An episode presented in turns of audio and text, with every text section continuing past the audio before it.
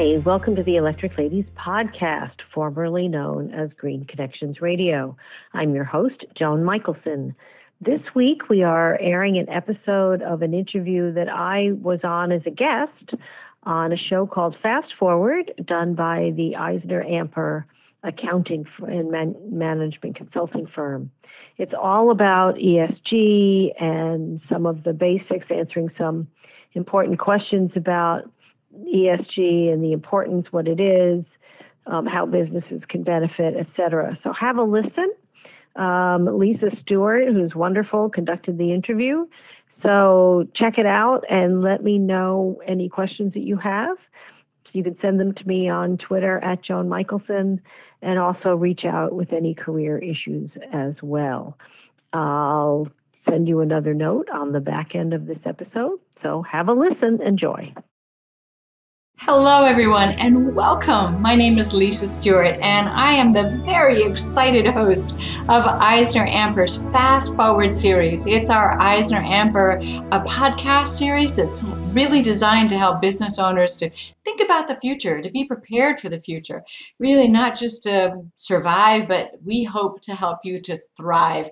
And I'm so fortunate because I get to talk to lots of fantastic and interesting people, and today is no exception. I'm absolutely delighted to have my friend and colleague Joan Michelson here, and uh, she is very experienced in this medium. Some of you may have already heard about her. She runs a wonderful podcast called Electric Ladies Podcast. And so, Joan, thank you so much for joining me. I'm really delighted. Oh, thank you, Lisa. I'm thrilled to be here. Thank you for the invitation. I appreciate it. Absolutely. And in fact, you know, um, I think you'll do a much better job of giving our audience a little bit of background and telling them who you are and what you do, and then then I'll start grilling you with some questions. So oh, give us some background. okay, so um, the short version is I've spent many years in corporate America, Deloitte, American Express, and Chrysler. And I've been working in the ESG space for about the past uh, 17 years um, including at Chrysler, uh, uh, heading up communications and co heading the sales and marketing for the electric car division called Global Electric Motor Cars.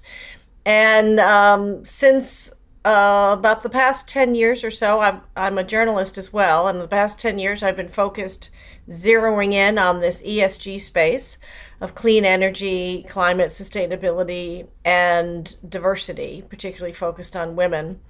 Um, and so I'm um, delighted to be here. I'm uh, I've been doing both uh, journalism covering the space and doing some ESG consulting as well. Yes, you have. I really enjoyed reading a lot of your articles and, and listening to you and listening to some of your guests. You know, I think um, we probably should start right at the very beginning, just explaining to people what is ESG. And for those of you out there for which it's new, we're talking about environmental, social, and governance. And this is a way of measuring and monitoring a lot of the good and important things that organizations are doing that are really contributing to our sustainability and our opportunity to be a good corporate citizen. And I know you have been working in this space for, for really a long time. And I was hoping that we could concentrate on this a little bit as you and I were you know, preparing and thinking about today, Joan, you were talking about some of the reasons why paying attention to ESG is so important. And a couple of things that you mentioned were really around the whole area of attracting and retaining talent. Can you tell me a little bit about that? Why should businesses be paying attention to sustainability, being good corporate citizens, and, and the whole field of ESG? Give us a little bit of background there. Well, there are several reasons actually, and I've I've written a lot about this and and talked a lot about it. It's the the 21st century is now the ESG economy. If you look at everything from recent surveys of corporate executives to the World Economic Forum, et cetera, the between COVID and climate change escalation and extreme weather events and the social justice movements that have uh, repercolated, I'll put it that way, um, the past two years, we've really had, um, and the shift that that's caused in the workplace in terms of working from home, et cetera, we've really had a fundamental shift in the economy where employees uh, are demanding that companies align with their values and they're demanding that they uh, take care of their environmental footprint and that they report on it with great accountability and transparency. And so if you're a company that you, you can't you can't get away with not talking the walk well not walking the talk you know and on top of that you have the this the securities and exchange commission and other bodies synthesizing all of the different sustainability standards out there now. And the SEC is actually putting together rules, as you well know, as an accounting firm, uh, to require that companies report their ESG footprint, including their impact on the climate, on the environment, and, and addressing climate risk, their social imprint in terms of diversity figures and how their employees are, their retention, et cetera, so various social factors, diversity on many dimensions. And governance is also it, it's diversity of the board, but it's also transparency and being able to validate these numbers tremendously. And so employees now are saying, well, look, I don't have to I don't have to be in your office. I don't have to work for a company I don't want to work for and there's a you know talent demand right now and so employees are saying of any level by the way um, show me your what you're doing for sustainability. Show me how you're addressing climate. And then on top of that you actually have and we can get into this if you want but you have the operational risk and you also have um, the sales risk if you will because government contracts and many of the larger companies and even some medium sized companies, especially, are demanding now that you, in your proposal, address how you're addressing these issues because they want their values aligned as well. Mm-hmm, mm-hmm. Oh, indeed, indeed. It is a very large and complex field. And I think that, you know, a lot of our clients are just struggling to get their hands around it, right? Where, where do we start and what does this look like and why should we do it? And I also know that there's sometimes a little bit of resistance when they feel as if the pressure is coming from on high, you know, whether uh, it's um, um, outside investors or it, wherever it comes. So, you know, I'd, I'd be kind of curious. Um, you mentioned about the fact that it is about measurement and monitoring, and it's a numbers game, isn't it? It's uh, when we talk specifically about ESG, it's about monitoring and paying attention to those numbers. I know you talk to your clients about these sorts of things as well, right? Yeah, and you guys are in the catbird seat, really, because I mean, I, you know, having obviously I worked at Deloitte, I worked at the accounting division of American Express, I've worked with various regional accounting firms as well, mid-sized ones. And you're I mean, you're already measuring the numbers, right? You're already validating the numbers. And so accounting firms are in are going through their own phase of reinvention and innovation where that you can seize this opportunity both for your own business but also to help your I mean to genuinely help your clients validate what they're talking about. So if you have companies clients coming to you and they're they either are publicly traded want to be publicly traded or they do business with the government contracts or they have um, employee turnover issues et cetera i mean a lot and a lot of companies are just initiating this and saying you know we need to validate this you guys are already counting this you're already measuring right and you already have the systems in place to facilitate other measurement. So so you the accounting firms are in a great position to be able to say here's what we're seeing. Here's where you might need to be to be comparable in your industry and maybe even re- making recommendations to get there from your consulting teams. And I, i'm completely cognizant um, of the difference between the auditors and the consultants and how that has to be a division in there been there done that Right, you're you're absolutely right. There does. Although I got to say, I really appreciate for the plug in terms of uh, your your accountants can be a very good place to start. You know, we're finding that most of our clients are doing some really good things. Uh, they may be, for example, already focusing on diversity, equity, and inclusion, which is, falls under the social part. Uh, they may be already paying attention to ensuring that their compensation practices and policies are in line with the market and they are fair across the organization, regardless of gender, etc. Um, they may be already doing things such as contributing to their local communities. What they're not necessarily doing is monitoring it or measuring it or, or really talking in terms of, of impact. So I think that this is going to be you know a pretty significant change. And of course, you know, and you and I have talked about this before, we like to concentrate on what are they doing right? Let's really focus on what they're doing right first. Uh, and then we'll build on that and we can find out what those gaps are and, and, and really take a look. Um, one of the things that you mentioned a moment ago around risk, I think it's so interesting. Are you finding that very many customers or clients that you're working with, are they focusing very much on things such as um, how the changes in climate may impact their businesses? Do you find that? Yeah, I was just thinking about that actually as you were talking. Is that it's there's part of what the numbers tell you is where your operational risk is. So I'll give you an example. I interviewed some time ago um, Cindy Ortega, who at the time was a senior VP and chief sustainability officer for MGM Resorts International.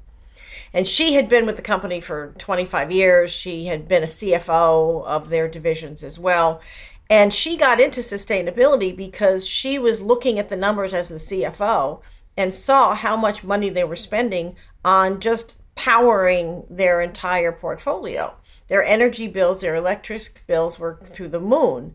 And so she said there's got to be a better way. Make a long story short, they she said that they wanted to do clean energy strategies and that actually being part of Nevada Power with the utilities was holding them back. And so they negotiated their way out of Nevada Power so they could institute clean more clean energy policies, reduce their costs dramatically and they found all kinds of ancillary benefits across the staff being able to use people in other ways with that decision with those decisions as well. And now they're a leader in the hospitality industry in sustainability um, practices and business practices. So you know that the those are the kinds of examples of where all of these pieces fit together and then you have companies that have operational risk where literally their plants are in areas that are prone to more severe hurricanes than they were before, perhaps, or uh, coastal, you know, sea rise. I mean, homes in, in Miami are now being built on stilts and raised up to address uh, climate risk. And the insurance companies are addressing this much, much more than they used to. They've been, frankly, kind of late to the party but they're really addressing this now. I saw a study from Munich Re recently, the reinsurance company, that they're demanding now to get information from all of the companies that um, having the insurance companies that they back up all get data on how companies are addressing their own operational climate risk. So um, yeah, I mean nobody's nobody's messing around anymore. They're realizing. I mean, it's a national security defense. I mean the even the the military has a huge climate risk mitigation strategy. And a lot of that is reducing the dependence on clean energy, which, of course, with what's going on in the world right now, would be a good thing, too. right, exactly. Yes. You know, it's interesting. Um, just picking up on something that you said earlier. I love the story and the fact that uh, uh, there are um, knock-on benefits from doing this within our own organizations. It's not uh, it's not just a sort of a, a one-hit wonder. That sometimes um, uh, if we can adopt some of these new practices, not only can it save us money and minimize some risks, but it can also help us to attract and retain great talent. It helps us to be able to maybe attract a different clientele or a broader clientele and so on. So there's a lot of combined sort of benefits for being able to, to look at our, our businesses this way. So I, th- I think you make a really, a really good point. Yeah, I just want to say one other thing around that. Um, one of my clients actually sent me a data point this morning that um, really caught my attention. It says the company's sustainability footprint and their culture is even more important to them than pay. Uh, I, I can believe it. We undertook a research project about this time last year, talking to new graduates from uh, universities, and we asked them these questions about what was most important to them. We were really um, surprised and delighted by the answers. Uh, they absolutely wanted a good position, and certainly they wanted to be paid for their work and so on. But the things that were really coming up as important to them were around organizational culture, environmental footprint, trying to make sure that they were doing work or they were working for companies that believed that having a positive impact on the greater good was just as important as making a profit. And this was a language that these young people were using fairly regularly. So I was I found that to be really touching and also really hopeful for the future. Yeah, I've had some guests tell me that um, in the course, I mean, some of my guests who are sustainability officers tell me that their teams in recruitment have ha- sent potential recruits to them to talk to when because in the interview, they're the people they want to recruit have said, "What are you doing uh, to address climate change? What's your sustainability footprint? What are your diversity numbers, et cetera, et cetera, et cetera?" And so you got to have that data handy. You've got to be fluid in your ability to talk about it too. You mean you can, yeah, you can say, I'll get back to you, but the more you can talk about it easily and spontaneously, the more it demonstrates your commitment and your command of that information. And you can talk about it hopefully with enthusiasm. Um, it's really interesting. It's of any age group, really, of any across the board. And of course, right now, it's important because we actually have five generations in the workforce at once. And it's really interesting because these dynamics are true for all 5 mm-hmm. Yes, yeah, we certainly in our line of work, we're definitely seeing that.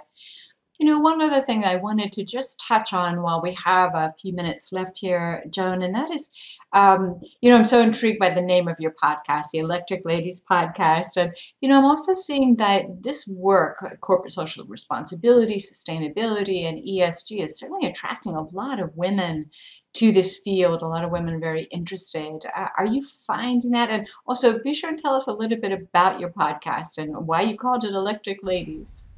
Well, I appreciate that. So, a couple things. First of all, um, I called it Electric Ladies because I interview women, and I believe that energy and sustainability electrify and uh, empower economies and businesses. I believe that the opportunity for innovation really drives better solutions, not just clean energy solutions, and that women are natural innovators and therefore supercharge an organization and supercharge their opportunities.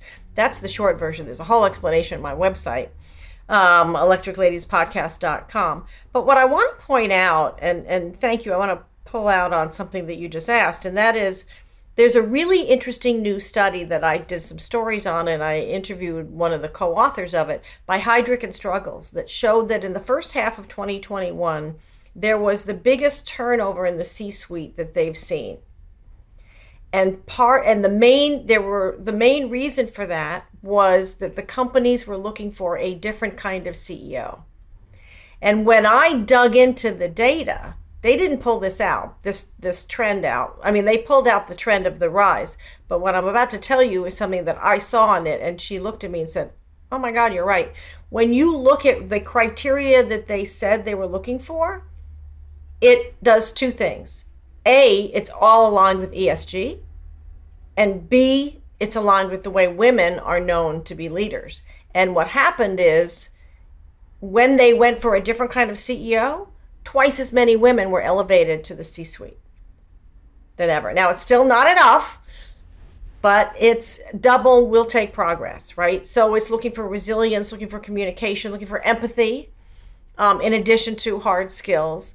So there are, to answer your question, I think that there are um, a lot of women are attracted to this field because women naturally make decisions based on values, include um, whether it's purchasing. by the way, women make 85% of purchase decisions. So if you're a consumer products company, hello.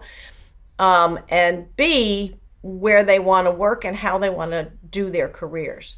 So if you want to attract more women, that's another reason to be aligned here. But it works the other way too, where women, because of those criteria, have tended to be in this, have tended to want to be in this space, no matter what generation they are. I've had women come to me and say, I've been a foreign service officer for 20 years and now I want to work in the clean energy economy. How do I do it? Right? So it's every generation. And then also, you have women bringing these values to the sustainability table, to the ESG table, to any job they have. And sometimes I have clients who say, Well, I want to do this work, but I'm not doing it in my current job. And, you know, do I need to leave my job? And I'm like, No, you're not necessarily. Maybe you can do this work where you work. It's like, you know, at Eisner Amper, you may be an accountant, but you can use your skills in the ESG space right where you are. So I think it's a it's a complicated dynamic, but the women are contributing more. Women's thought processes and ways of innovating and solving challenges and raising different issues is really valuable and important right now. And the economy is really going in that direction anyway. And so more women are needed in it. I mean, I've it's a funny thing to say, but uh, uh, some women have said, well, men have messed it up all this far. We have to take it from here, you know. So, because uh, we've had an oil based economy for so long, right? Look where it's gotten us. But the um, so I think it's a it's a it's both sides. It's demand and supply. Mm-hmm. Right you know that's um, that's a very nice lead into the fact that we're coming up to uh, Women's History Month, and uh, that's right. And it does seem to be a field, as I said, that is attracting a, a, a lot of women, whether they see their place. I, I, was actually interviewing a woman not too long ago that said it's just a natural fit because we're just so focused on uh, the next generation. We're raising the next generation, whether they're our own or you know our extended families, children, and this just seems to be something that if we can integrate this with the work that we do on a daily basis, then it helps to give our work even greater purpose.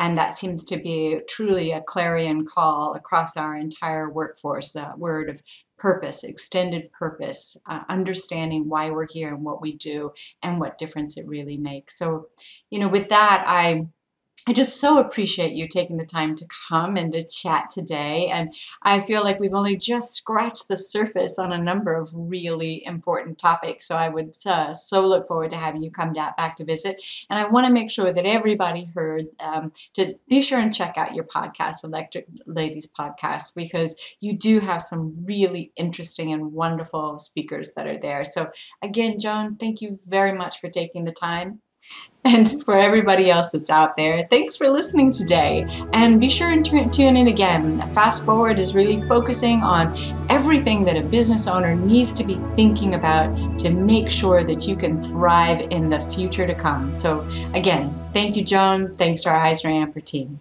Hi. So, what did you think? What did you learn about ESG from that? What questions do you have about ESG? What is still outstanding in your mind about ESG? What are you wrestling about with it? Where do you see the opportunities? Please post it to us uh, at Joan Michelson on Twitter or on Instagram at Electric Ladies Podcast or on my name at Joan Michelson. And please let us know your thoughts. And also, if you are struggling with any career issues or have any career questions. So please send them to us and stay tuned for another great edition of Electric Ladies Podcast coming up next week. Take care. See you soon.